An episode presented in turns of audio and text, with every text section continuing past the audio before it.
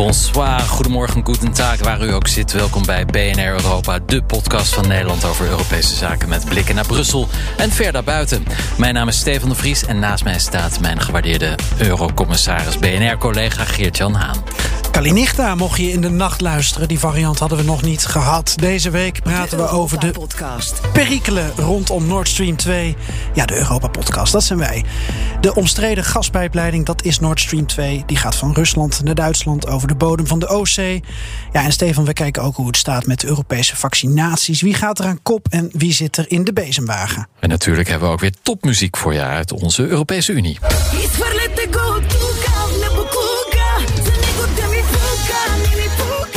Toeters en bellen die je deze wisselvallige zomer vast door kunnen helpen. Mooi vakantieland trouwens, waar dit nummer vandaan komt. En we vragen ons af of Europa Afghaanse tolken moet beschermen. We hebben ook een theatertip. En, Stefan, het onmogelijke staat ook bijna te gebeuren. Jij gaat op vakantie. Hoe lang is dat geleden? Nou, dat is een hele goede vraag. Ik kan me niet eens herinneren. Ik, ik ga wel weekendjes weg en zo, maar een echte vakantie. Nou, misschien wel twee jaar geleden. Jij appte mij op 3 april. Ik doe mijn research van tevoren. Ik doe niet echt aan vakantie. Mijn hele leven is een vakantie. En op 26 april appte je mij: vakantie is voor watjes. Tekst en uitlag. Voortaan gaan we naar Telegram. Dan kan ik gewoon die, die chats van ons uh, wissen op afstand. Uh, ja, inderdaad. Nou, laat ik er dan zeggen: ik ga op research. Ik weet nog niet eens waar naar op reis ga eigenlijk. Wel binnen Europa? Want je bent ook groot Japan-fan. Ja, zeker. Maar helaas mogen we daar nog niet naartoe. En ik wil niet riskeren, zoals de Olympische ploeg... dat ik op een, eh, een kamertje zit zonder raam uh, tien dagen. Nee, dit, dat spaar Japans nog... eten, verschrikkelijk. Ja, heel vreselijk, man. Gadverdamme, je zou maar Olympische sporter zijn... en Japan Japans moeten eten. Nou ja, in ieder geval, ik wacht nog even tot het najaar uh, om weer naar Japan te gaan. Ik denk dat ik naar Portugal ga. Even op research. Eurocommissarissen Haan en de Vries houden de Brusselse zaken scherp in de gaten. Ja, we beginnen met een kort overzicht van wat er nog meer gebeurde deze week in onze Europese Unie. Wat viel jou op, Geert-Jan? Ja, dat uh, landen op de Balkan boos zijn dat de gesprekken om toe te treden tot de Europese Unie dat dat zo tergend langzaam gaat. Servië, Albanië, Noord-Macedonië, die drie die zeggen daarom: als Brussel niet wil, dan doen we het zelf wel. De drie landen die gaan nu hun onderlinge grenzen voor reizigers en zakenlui afschaffen om economisch te integreren. Deze mini-EU of mini-Schengen of hoe je het ook wil noemen, moet eind dit jaar al een feit zijn. Het is een zone, Stefan, waar deze landen al sinds 2019 over praten, ook als licht aan aanhoudende pressie richting Brussel. En mogelijk komen daar dan ook Bosnië-Herzegovina, Montenegro en zelfs Kosovo bij. Nou, waar denk je dan aan als de Zuid-Slavische landen zich verenigen? Aan Maarschalk. Twito. Slovenië heb ik niet genoemd, inderdaad. Oh, inderdaad maar is wel voorzitter van de Europese Unie en heeft dit op de agenda staan. Maar het, het is bijna weer een nieuw Joegoslavië. Ja, ja, inderdaad. Geef ze ongelijk. Het duurt natuurlijk allemaal heel erg lang. Maar wat zeggen de regeringsleiders uh, over deze ja, ménage à trois? Ja, Vucic van Servië zegt: We begrijpen dat er uitbreidingsmoeheid is in Brussel. Dus we moeten voor onszelf opkomen. Noord-Macedonië, daarvan heet de baas Zoran Zaev. En hij zegt: de EU levert niet. En Edi Rama, de vers gekozen premier van Albanië, die kent zijn klassiekers en haalt Samuel Beckett aan. Het absurde toneelstuk Wachten op Godot. Daar verwijst hij naar twee zwervers die wachten op een en Godot. Die voeren tijdens het wachten allerlei bizarre gesprekken met elkaar. En uiteindelijk komt Godot helemaal niet. Do you see anything coming? What? Do you see anything coming? No! Alright. You must have had a vision. What? You must have had a vision! There's no need to shout. En toch schreeuwen de landen, want ja. anders luistert Brussel niet. Nee, precies. Uh, herinner ik me ineens een, een, citaat uit Borgen, die fantastische Deense serie over de politiek. Dat een minister wordt weggepromoveerd naar Brussel. Want als je in Brussel schreeuwt, dan hoort niemand je. is een mooi citaat. Uh, de volgende keer horen. Ja, maar goed. De vraag is natuurlijk of deze blokvorming van die, deze drie Balkanlanden iets verandert. En een positie ten opzichte van Brussel ook eh, doet veranderen. Wat denk jij? Ik denk dat ze het van Slovenië moeten hebben. En dat Slovenië de kar gaat trekken dit half jaar als voorzitter van de EU. En het op de agenda zet. Ja. Over Brussel gesproken, want daar is zelf wel verandering op komst, Stefan. Jij weet er meer van. Ja, inderdaad. Het Europees Parlement wil aantrekkelijker worden. En eigenlijk dan met name voor jou en voor mij, Geert-Jan, voor journalisten. En daarmee natuurlijk ook voor de Europese burgers. Want er moet meer ruimte komen voor echte debatten. Wat doen ze nu dan? Ja, eh, iedereen mag wat zeggen, maar het zijn niet echte debatten. Dus de parlementsleden moeten intekenen, krijgen ze een minuutje en dan mogen ze een mening geven, maar ze kunnen niet met elkaar vechten. En dat is natuurlijk heel erg saai als je het vergelijkt met nationale parlementen. Um, dus dat moet veranderen. Ook uh, wil het parlement voortaan debatteren en stemmen op dezelfde dag. Want nu zit er vaak een dag tussen het voorstel en dan de stemming. En dat is natuurlijk onhandig om het nieuws te halen. Ja. Ook wil het parlement initiatiefrecht krijgen en een soort motie van wantrouwen waarmee ze commissarissen weg kunnen sturen. Maar voor die laatste twee is een verdragswijziging nodig. Um, maar ja, eh, het is dus allemaal bedoeld om het allemaal wat aantrekkelijker te maken. Denk jij dat dit helpt om, om meer Europa in de media te krijgen, Geert-Jan? Het, het doet mij denken aan de Olympische Spelen die op dit moment ook gaande zijn. Waarbij is gekozen voor tv-sporten. Oh ja. Dus er worden allerlei disciplines toegevoegd aan de Olympische Spelen. Omdat die dan interessant zijn voor de jeugd. En echt het goed doen op tv. Dat is een beetje waar ik nu aan denk. Als je debatten wil. En die uitslag uh, van die stemming. Uh, dat vind ik misschien wel een goed punt. Want hoe werkt dat? Jij en ik horen dan op woensdag bijvoorbeeld ja. uh, dat er een debat is. Of nou, ja. dat horen we op dinsdag. Dan kunnen we op woensdag kijken hoe dat Precies. is. En dan wordt er gestemd. En donderdag pas, soms. Ja, en dan om negen uur s ochtends hoor ja. je dan de uitslag. Alsof de gong van de beurs gaat. Ja, ja um, met een gong erbij is het misschien spannend. Maar ik zou denken, dit zou wel inderdaad een, uh, een, een, een, aanbeveling verdienen. Ja, ik vind het wel een goed plan. Ja, ja, nou ja, als we daarmee meer Europese burgers kunnen bereiken. Ik, we moeten het nog zien. Aan ons zal het niet liggen. In BN Europa maken we Brussel natuurlijk altijd al sexy. De Europa-podcast. Ja, Gert-Jan, we mogen onszelf feliciteren. Uh, want wij Europeanen hebben het uh, toch geflikt. We hebben heel veel geprikt. Hoera! Hoera! Het eerste doel is binnen. De vaccinatiegraad is behaald. Uh, de champagne kan open. Volgens Ursula von der Leyen heeft de Europese Commissie namelijk eindelijk eens een keer aan een belofte gehouden. The European Union has kept its word and has delivered. Our target was to protect 70% of adults in the European Union with at least one dose in, of vaccination in July. Today we have achieved this target.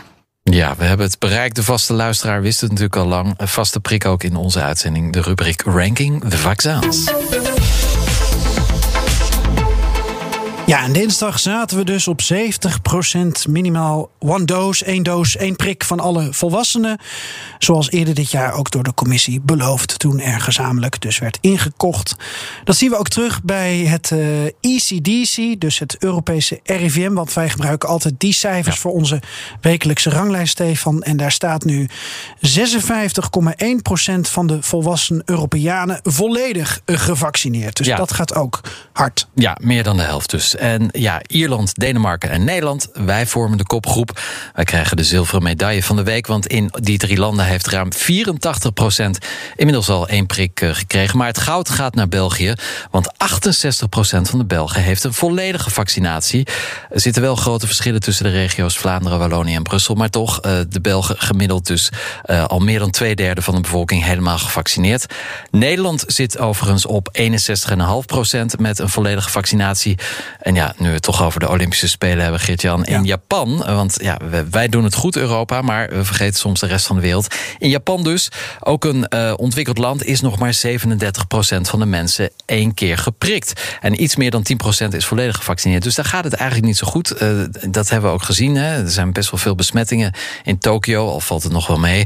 Ehm, maar goed, terug naar de EU. De hekkensluiter hier is nog steeds Bulgarije. En daar is maar 18,5% van de volwassenen geprikt. Eén keer, oh, sommigen twee keer, maar in ieder geval heel erg weinig. Ik denk dat het nog wel even duurt voordat Bulgarije geen arrière de la course meer is. Ja. Zeg, opvallend vind ik ook trouwens dat het percentage eerste prik in Nederland niet echt meer stijgt. Dus denk je dat we hier eh, ook dat gevreesde vaccinatieplafond hebben bereikt? Ja, dat is natuurlijk een vraag die eh, in heel veel landen speelt. Eh, de 84% die ik net noemde met één prik... is maar 1 procentpunt verwijderd van de vaccinatiebereidheid van 85%. Eh, in simpele woorden, iedereen die dat wil in Nederland... is eigenlijk al geprikt, in ieder geval één keer. Dus de vraag is natuurlijk, hoe krijgen we degenen die niet willen... of niet bereikt zijn door de media en de politiek... toch aan de prik? Nou, dat wordt denk ik het belangrijkste taak van Hugo de Jonge... de komende weken, maar en mogelijk ook nog van zijn opvolger. En ja, als we kijken naar eh, landen met veel tweede prikken... dan doet Hongarije het ook al een tijdje goed. Hoewel ook ligt achter op Nederland. Maar lange tijd waren zij de kampioen. Zij beginnen binnenkort aan de ronde van de derde prik. Ja. Voor iedereen die minstens vier maanden geleden volledig gevaccineerd zijn, is. Dus ja, nieuwe ronde, nieuwe kansen. Dat betekent dat ranking de vaccins ook nog wel even kan doorgaan. Ja, er spelen wel een paar dingen mee. Hè? Dus allereerst, eh, Hongarije heeft al eerder een plafond bereikt eh, dan wij qua eh, vaccinatiebereidheid. En ook veel mensen daar zijn met met name een Chinees vaccin geprikt. Ja. Ook enkele honderden duizenden met het Russische Sputnik. Ja. En er is van bekend dat eh, met name door de komst van de Delta-variant eh, voor dergelijke vaccins een, een derde prik nog wel gewenst is, of een boost in ieder geval, om, eh, om goed dekkend te zijn.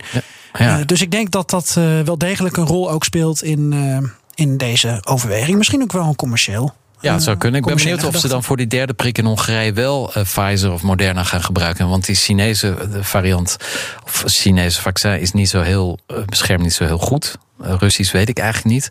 Ehm Gaan we op terugkomen. gaan we zeker op terugkomen. Sputnik gaat combineren trouwens met AstraZeneca, geloof ik. Hè? Dus er, er worden allerlei cocktailtjes nu, eh, nu gemaakt. BNR Nieuwsradio. De Europa-podcast. Geert-Jan Haan en Stefan de Vries. Jarenlang lagen de Amerikanen dwars. Maar nu is er een akkoord met Duitsland over de controversiële gaspijplijn Nord Stream 2. De bouw kan doorgaan en voor we het weten transporteert Rusland via de Oostzee hun gas deze kant op van Gazprom. Maar niet iedereen in Europa is er blij mee. Nee, vooral aan de grens met Rusland, eh, Oekraïne, Polen, eh, daar zijn ze niet blij. Zij verklaarden deze week dat het besluit van de Amerikaanse president Joe Biden om zich niet langer te verzetten heeft geleid tot een politieke, militaire en energiedreiging voor Oekraïne en Midden-Europa. En niets minder dan dat. En ook dat de verdeeldheid tussen de lidstaten van de NAVO en de Europese Unie daardoor groter wordt. Nou, veel Oost-Europese landen zijn natuurlijk bang dat de macht van Rusland te groot wordt met deze pijpleiding, want dan hoeft het niet meer langs Oekraïne. Ja, ook eh, eh, de Europese Unie heeft in het verleden wel eens eh, vraagtekens bij deze pijpleiding gezet, maar heeft zich eh, afgelopen week wijzelijk stilgehouden. Ja. We gaan eens kijken hoe alle reacties tot ons zijn gekomen afgelopen week. En dat eh, doen we met Monique de Jong, Nord Stream 2-onderzoeker eh, aan de Universiteit van Gent, promovenda. Welkom in de uitzending. Goedenavond. Ja, in de deal van de VS met Duitsland is wel opgenomen dat als Rusland die, die pijpleiding inzet als politiek drukmiddel, dat er sancties kunnen volgen. Is dat genoeg om de twijfelaars, bijvoorbeeld Oekraïne en Polen, om die dan tevreden te stellen? Zeker niet. Uh, het akkoord is bewust opgesteld in vage bewoordingen. Uh, dat is omdat Duitsland en Amerika uh, zelf er niet helemaal uit zijn gekomen. En dus is ook niet duidelijk welke acties Europa of Duitsland onderneemt als Rusland dus die uh, pijpleiding inzet als politiek drukmiddel. Uh, en het is ook niet duidelijk welke acties van Rusland precies worden bedoeld. Is dat uh, het afsluiten van de gasdoorvoer naar Oekraïne? Is dat een annexatie van een stuk grondgebied? Um, en beide landen zijn ook niet geconsulteerd door de Verenigde Staten of door Duitsland. De Oekraïense president is eind volgende maand welkom in Washington. Uh, maar de deal is al uh, gesloten tussen de VS en Duitsland. Dus ze worden een beetje achteraf um, geconfronteerd met deze deal. En ze zijn het ook zeker niet mee eens. Um, de Verenigde Staten hebben aan Oekraïne gevraagd of ze publiekelijk in ieder geval het akkoord niet wilden afvallen. Maar dat heeft Oekraïne natuurlijk wel al gedaan. Oké, nou, mijn missie mislukt al in ieder geval voor Biden. En waar, waarom is Oekraïne eigenlijk zo bang of zo, zo, zo ontzettend gekant tegen deze deal? Ja, voorheen kwam natuurlijk de grootste hoeveelheid van het Russische gas uh, via Oekraïne naar Europa, naar de Europese markt. Maar Rusland wil af van deze afhankelijkheid van Oekraïne. Uh, en heeft daarom Nord Stream 2 en ook andere uh, gaspijpleidingen voorgesteld. Een aantal daarvan zijn ook al gebouwd, een aantal zijn ook stilgelegd. Um, en door deze omleiding loopt Oekraïne doorvoerinkomsten mis. Dat zijn 2, 3 miljard euro per jaar. En die kan Oekraïne niet missen. Verder vreest Oekraïne ook dat het onderbreken van de gasdoorvoer uh, wordt gezien door Rusland als een kans om haar invloed in Oekraïne uit te breiden. Dus dat is inderdaad in, in Oekraïne een angst dat uh, Rusland, nadat de pijpleiding wordt stopgezet, de doorvoer naar Oekraïne, uh, dat zij zich dan nog meer gaan bemoeien met Oekraïne en Kiev. Ik zelf denk dat deze angst niet echt terecht is. Um, Rusland is haar macht aan het uitbreiden in Oekraïne met of zonder die gasdoorvoer. En ik denk dat dat losstaat van Nord Stream 2. Het zou natuurlijk wel kunnen zijn dat Nord Stream 2 uh, wel uh, voor Rusland iets minder problemen veroorzaakt als Nord Stream 2 operationeel is en die door voor de Oekraïne wegvalt. Ja, Oekraïne probeert nu een beetje druk te zetten op de Europese Unie. Wijst uh, ons ook op de afspraken die er gemaakt zijn in het associatieverdrag tussen Oekraïne en de Europese Unie. Maar uh, wat kan Brussel eigenlijk doen? Want Duitsland is eigenlijk de grootste uh, instigator van, van deze pijpleiding, met Nederland ook daar een beetje bij. Dus grote verdeeldheid. Wat, wat kunnen ze doen in, in, in Brussel? Nou, één heeft Brussel niks te maken gehad met deze deal. Deze deal is echt tussen Duitsland en Amerika. Um, en inderdaad, dat associatieverdrag staat wel dat Oekraïne uh, moet worden geconsulteerd of betrokken worden bij onderhandelingen. Maar Brussel is dus ook niet betrokken geweest bij deze onderhandelingen. Uh, dus daarom denk ik niet dat uh, de bezwaar van Oekraïne veel verschil gaat uitmaken. Het is wel natuurlijk interessant te zien hoe Oekraïne het verdrag gebruikt tegen de Europese Unie, terwijl dat normaal gezien andersom is. Ja. Brussel kan natuurlijk wel um, de capaciteit van Nord Stream 2 die gebruikt mag worden beperken. Maar dat mogen ze al zo vanaf juni 2019, toen ze de gasrichtlijn hebben aangepast, zodat Nord Stream 2 ook onder deze richtlijn zou vallen. Uh, dus ik denk niet dat Brussel iets kan doen naar aanleiding van de Oekraïnse druk. Ik denk dat wat ze al van plan waren om te gaan doen, dus de capaciteit mogelijk beperken, dat ze dat al zouden gaan doen zonder die druk van Oekraïne. Ja, als de, als de pijp straks klaar is, dat is heel binnenkort, moet die ook nog door de EU goedgekeurd worden. Uh, door een onafhankelijke netbeheerder. Is, is al duidelijk wie dat moet gaan doen? Want, want daar heeft Brussel dan nog wel een beetje speelruimte om druk uit te oefenen. Ja, die onafhankelijke netbeheerder moet door de Duitse ja, netbeheerder worden goedgekeurd. Um, eerder deze maand heeft het bedrijf achter Nord Stream 2 uh, gevraagd aan de Duitse netbeheerder of zij dat zelf mogen doen. Dus dat zij de onafhankelijke netbeheerder kunnen zijn die gaat uh, beslissen of zij zelf ja, alles goed hebben geïmplementeerd en de Europese regels goed volgen. Wat natuurlijk een vreemd verzoek is. En het lijkt me ook niet waarschijnlijk dat dat wordt goedgekeurd. Um, nu is het natuurlijk wel zo dat de, de Duitse netbeheerder wel vaker uh, verzoeken van Nord Stream 1 heeft goedgekeurd, die daar achteraf uh, door Brussel zijn teruggefloten. Dus dat zou heel goed zijn dat het misschien wel wordt goedgekeurd door de Duitse netwerkbeheerder, maar achteraf dan door Brussel wordt gezegd: uh, dit kan niet en, en dat wordt teruggedraaid. Dus het lijkt mij zeer onwaarschijnlijk dat Nord Stream 2 dat zelf gaat doen. En verder is er nog niet duidelijk wie, welk ander bedrijf dat dan eventueel zou kunnen gaan doen.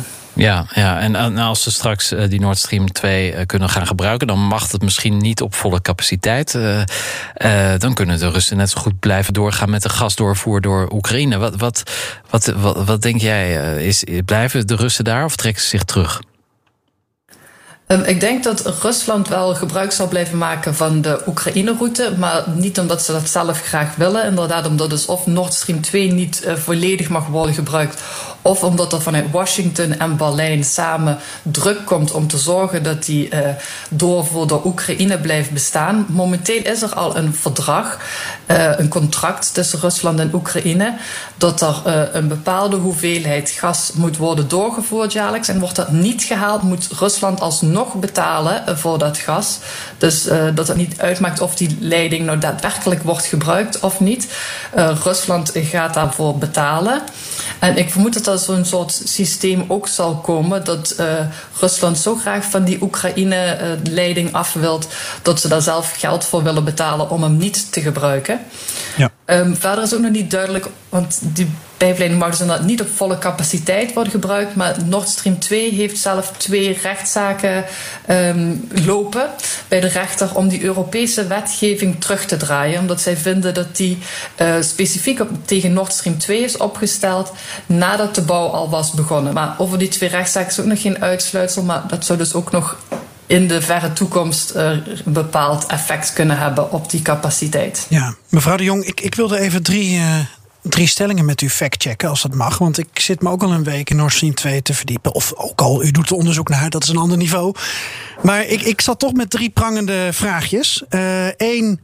Uh, de EU gebruikt minder gas dan, dan voorheen. gaat dat ook in de toekomst minder doen? Dus eigenlijk is zo'n nieuwe pijpleiding onnodig. Bent u het daarmee eens?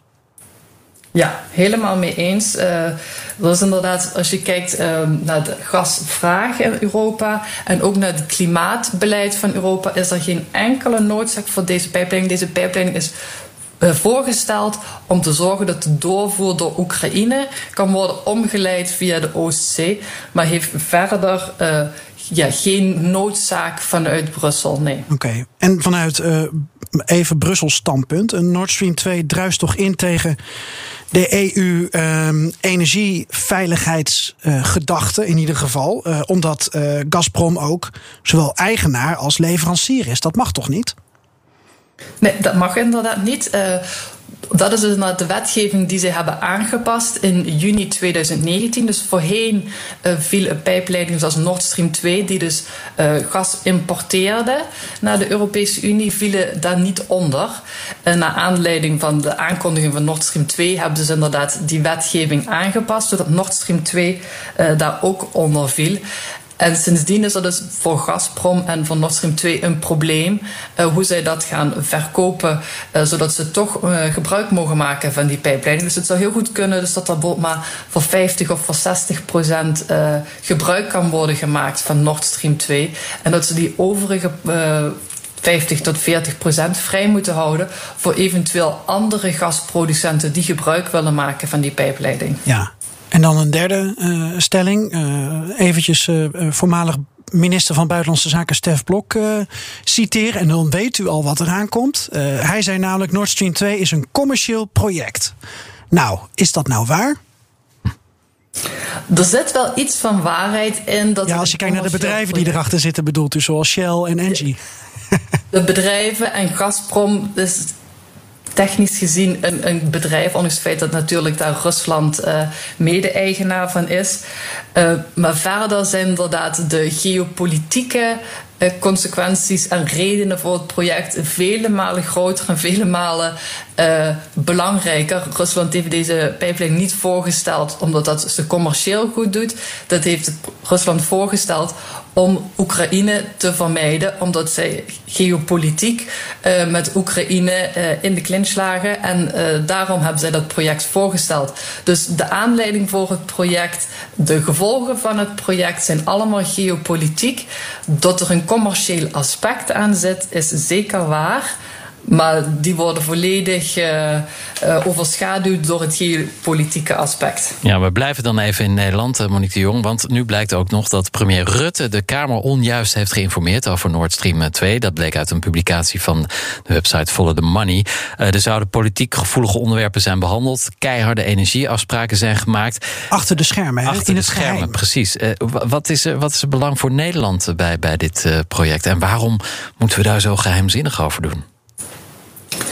Ja, Nederland uh, steunt inderdaad, of het kabinet steunt Nord Stream 2. Um, dat doen ze niet zo openlijk als dat Duitsland dat doet. Uh, waarschijnlijk omdat dus inderdaad die Oost-Europese landen nogal fel gekant zijn tegen het project.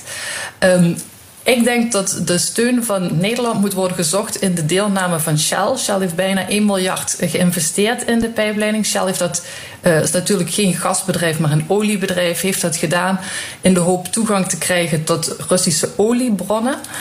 Uh, en ik denk ook dat daarin de Nederlandse steun moet worden gezien. Er zijn ook Nederlandse bedrijven die mee hebben geholpen aan de uh, bouw van uh, Nord Stream 2. dus ik denk dat het inderdaad meer een, een financieel, commercieel aspect is waarom Nederland het steunt, het project. Um, welke afspraken er dan eventueel zouden zijn gemaakt, uh, durf ik niet te zeggen. Ik denk wel natuurlijk dat de, de afbouw van uh, Groningen gas uh, een rol speelt. Misschien dat Nederland hoopt nog gas vanuit Nord Stream 2 te kunnen ontvangen. Mm. Um, maar dat is natuurlijk wel heel erg politiek gevoelig naar aanleiding van de annexatie van de Krim, het neerhalen van vlucht MH17. Ja. Uh, dat er toch over dit soort commerciële projecten, zoals het dan genoemd wordt, uh, toch nog achter gesloten deuren uh, onderhandeld worden, toezeggingen worden gedaan en steun wordt gegeven aan Rusland. Hartelijk dank. Monique de Jong, onderzoeker aan de Universiteit van Gent. En wat is er eerder af, Nord Stream 2 of uw proefschrift? Uh, ik denk de bouw van Nord Stream 2 zal net iets eerder af zijn. Mediawatch. Tijd voor een blik op het Europese nieuws door de ogen van de andere media dan BNR. Geert-Jan, jouw oog viel vandaag, eh, woensdag, als we deze podcast opnemen, op een lijvig artikel in Dagblad Trouw over Ja. Afghaanse tolken. Ik heb hem er even bijgepakt voor Ja. pagina en pagina 6 en 7. Wat mij daaraan opvalt aan dit artikel is eh, dat er dus een soort discussie loopt over eh, of de verantwoordelijkheid voor bescherming van tolken in Afghanistan, of die bij lidstaten zoals Nederland ligt, of bij het Europese orgaan EEAS, en dat staat voor Europese Dienst voor Extern Optreden. Daar vallen politiemissies onder, zoals EUPOL Afghanistan. Die politiemissie die liep van 2007 tot 2016. En ook zij maakte gebruik van tolken. Ja, ja, ten eerste, het verbaast me eigenlijk dat, dat Europa dus ook zijn eigen, haar eigen missies heeft. Dat, dat wist ik eigenlijk niet. Ehm, ik dacht dat dat viel onder de vlag van de lidstaten, dus niet. Volgens mij doen we dat ook bijvoorbeeld in Oekraïne. Voor eh, het eh, opbouwen van het eh, justitieel apparaat daar. En ook om, om corruptie Ja, tegen te gaan. En, en de agenten minder vatbaar daarvoor te maken. dat valt dus ook onder EU-pol. Dat moet ik snel opzoeken. Maar ik meen zoiets me wel te herinneren. Ja. Ja, oké. Nou, je las dus in trouw dat er discussie is over wie de werkgever eigenlijk is van die tolken. Wie de opdrachtgever was, zou je ook kunnen zeggen. En dat is belangrijk omdat die opdrachtgever, dus misschien de Europese Unie, misschien Nederland of de andere lidstaten, eigenlijk ook verantwoordelijk is voor de veiligheid van deze tolken. Ja, want even voor wie het verhaal niet helemaal kent. Westerse troepen zijn sinds een paar weken uit Afghanistan vertrokken. Er zaten veel Amerikanen, maar ook Duitsers, Polen, Italianen, Georgiërs. Maar ook Nederlanders. En Dagblad Trouw schrijft dat er nog zeker 70 tolken en hun gezinnen vastzitten in eh, Afghanistan. En dat kan een gevaarlijke situatie opleveren, omdat de Taliban deze Afghanen, die dus eh, Nederland en andere Europese landen hebben geholpen, als eh, landverraders zien. Ja, en de Taliban rukken nu heel snel op in Afghanistan sinds eh, het Westen weg is daar, sinds Ja. een paar weken. Nou, en daarnaast heb je trouwens ook nog beveiligers. Ja. Die vallen niet onder de tolkenregeling. En je hebt dus tolken die voor de Europese politiemissie hebben gewerkt. Dat zijn even de drie smaken die in dit artikel worden benoemd. Maar met die oprukkende Taliban zijn er natuurlijk meer mensen niet helemaal hun eh, leven veilig. Nou, die 70 tolken. Eh, die hebben een beroep gedaan op de Nederlandse tolkenregeling. En dat kan dus als je hebt gewerkt met Nederlandse militairen. Ja, maar, maar hoe zit het dan met de tolken die voor EU-POL werkten, de, dus de Europese politiemissie? Die hebben Afghanistan geholpen ook met het opbouwen van een rechtsstaat, van politie en justitieapparaat. Ja. Onder welke regeling vallen die? Kunnen die in Brussel ergens aankloppen? Ja, dat is dus het discussiepunt. En dat wordt mij eerlijk gezegd niet helemaal duidelijk. Er wordt deze week vanuit Nederland in ieder geval geïnventariseerd wie er in de problemen zit. Nou, Dagblad Trouw heeft bijvoorbeeld met twee tolken contact die zich grote zorgen maken om hun veiligheid. Eén van hen werkte als tolk en vertaler en eh, verbindingsofficier liaison voor EUPOL. De ander werkte als beveiliger voor de Nederlanders en als tolk voor de Hongaren. Dus die had weer verschillende opdrachtgevers als het Ja. ware. En het Nederlandse ministerie van Defensie laat aan trouw weten dat de tolken van EUPOL moeten kunnen aantonen dat zij gewerkt hebben voor de Nederlanders. dat zij hoog profiel werkzaamheden hebben uitgevoerd en zeer zichtbaar werken voor de Nederlanders. Jongen, jongen. Oftewel, eh, anders eh, kunnen ze niet onder die regeling vallen. Ja. Terwijl het asielagentschap van de Europese Unie even goed eh, laat weten dat alle tolken ehm, door de Taliban eh, als landverraders wordt gezien. Eh, en als een doelwit met hoge prioriteiten. En dat geldt ook voor de, voor de beveiligers. Dus er is wel een, een nijpende kwestie. Ja, als ik het heel cynisch breng, dan zien de Taliban de Europese Unie wel degelijk als Europese Unie. Maar de lidstaten, zoals gebruikelijk, zeggen weer: ja, niet mijn pakje aan, ga maar naar de buren. Ja. Ehm, Dagblad Trouw had ook contact met een voormalig advocaat-generaal, Jan Gras. Hij werkte voor EUPOL. En hij weet dat in ieder geval twee eh, collega's, v- van twee collega's, dat die gevaar lopen. Ja, en dat hangt ook wel samen met wat je net zegt. Eh, iedereen die zichtbaar heeft samengewerkt met Europeanen loopt nu gevaar. Ja. de, de, de, de Taliban of anderen maken geen onderscheid tussen een Italiaan of een Nederlander. Eh, Westerlingen zijn, zijn de vijand. Ja. En deze gepensioneerde advocaat-generaal vindt ook dat het Nederlandse ministerie van Defensie duikt als ze stellen niet te weten wie specifiek voor Nederland en voor EUPOL werkte. Ja. Gras zegt Nederland had een groot aandeel in de EUPOL-missie. En hij zegt ook de Afghanen die op de loonlijst stonden van Brussel, ja, dat staat ook gewoon in de administratie. Maar eigenlijk moet dat niet ter zake doen. En weet je, ik heb het opgezocht, Stefan. Je hebt het over een, een Europese missie in Afghanistan die zo'n 50 à 60 miljoen euro per jaar kostte en jarenlang werd gehouden. Ja. Nou, dan hou je echt wel de administratie bij. Tuurlijk, soms vergeet iemand een bonnetje.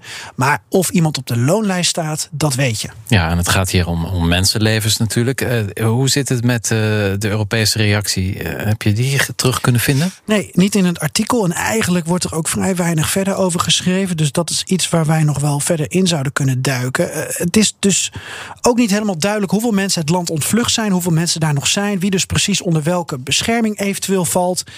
Feit is gewoon dat je daar nu niet wil zitten. En dat je ernstig moet afvragen of bescherming bieden aan mensen niet bovenaan je lijst moet staan. Ja.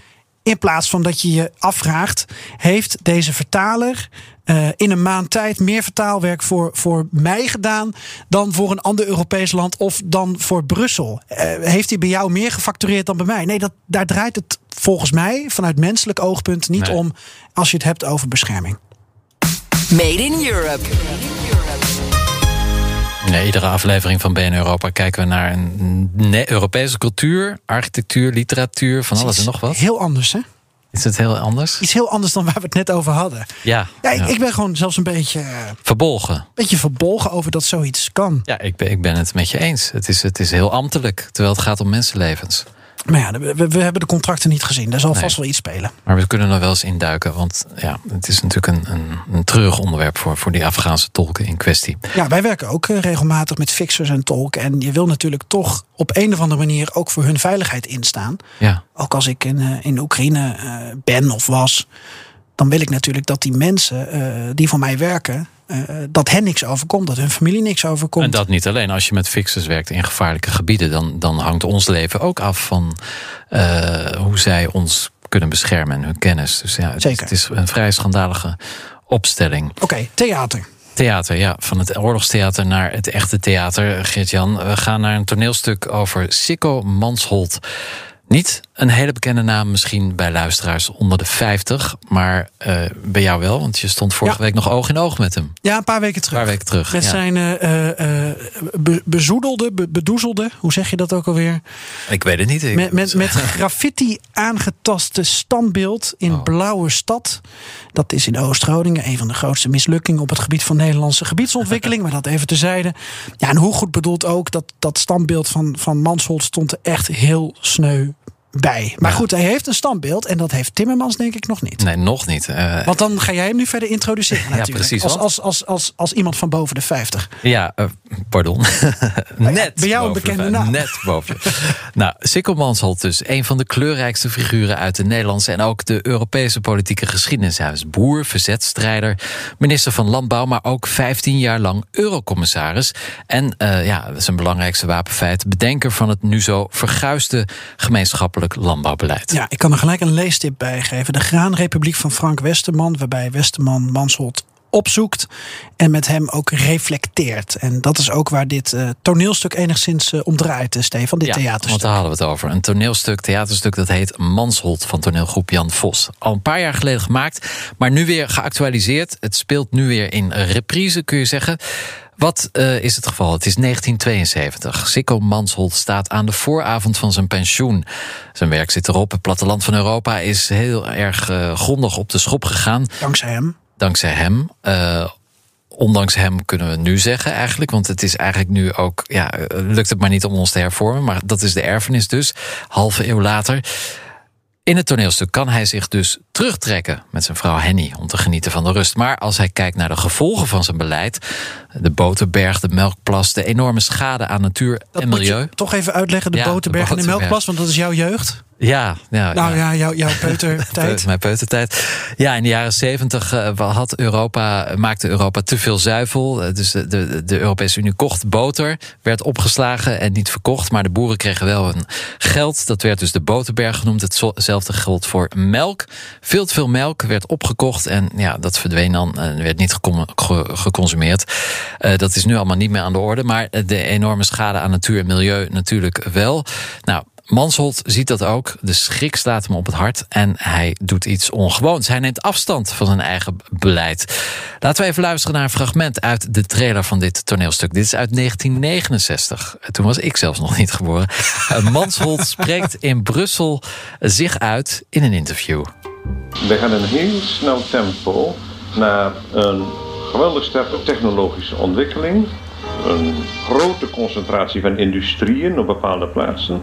En aan de andere kant een totaal onvoldoende zorg voor de levensmogelijkheden van een gewone man. Vervuiling van lucht, lawaai, opeenhoping van mensen, onvoldoende ontspanningsmogelijkheden. Ja, dit is 1969, meer dan een halve eeuw geleden. En, en hoe visionair eigenlijk zijn woorden waren. En anti-visionair, want het druiste in tegen alles waar hij eerder voor stond. Ja, en dat is dus ook uh, voer voor deze toneelmakers.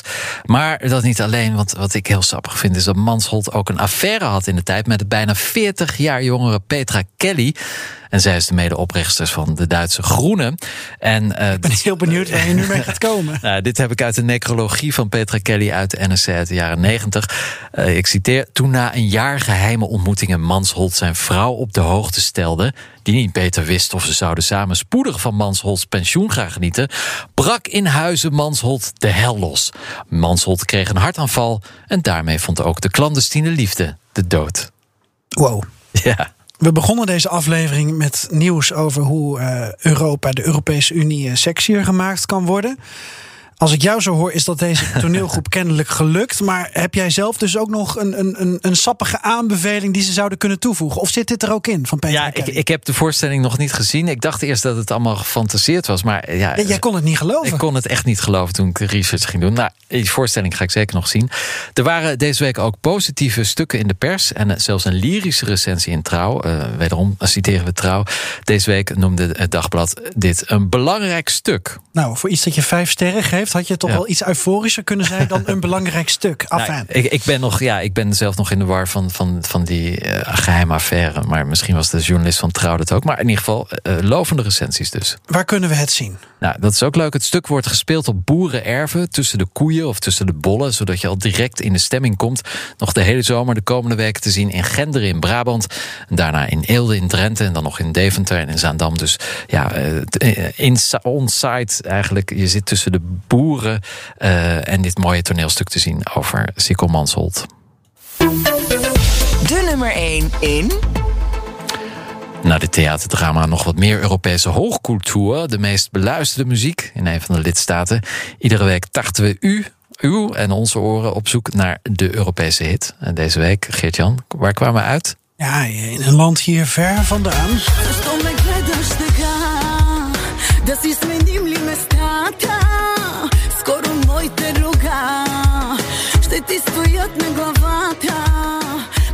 Ja, iets met uh, snel je armen om je heen slaan. Dit is Galena.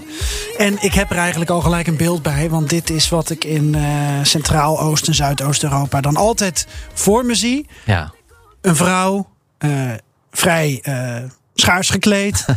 op mijn videoscherm in mijn restaurant waar verder niemand zit met TL-buizen. Uh, waar ik dan uh, mijn lunch zit uh, te nuttigen.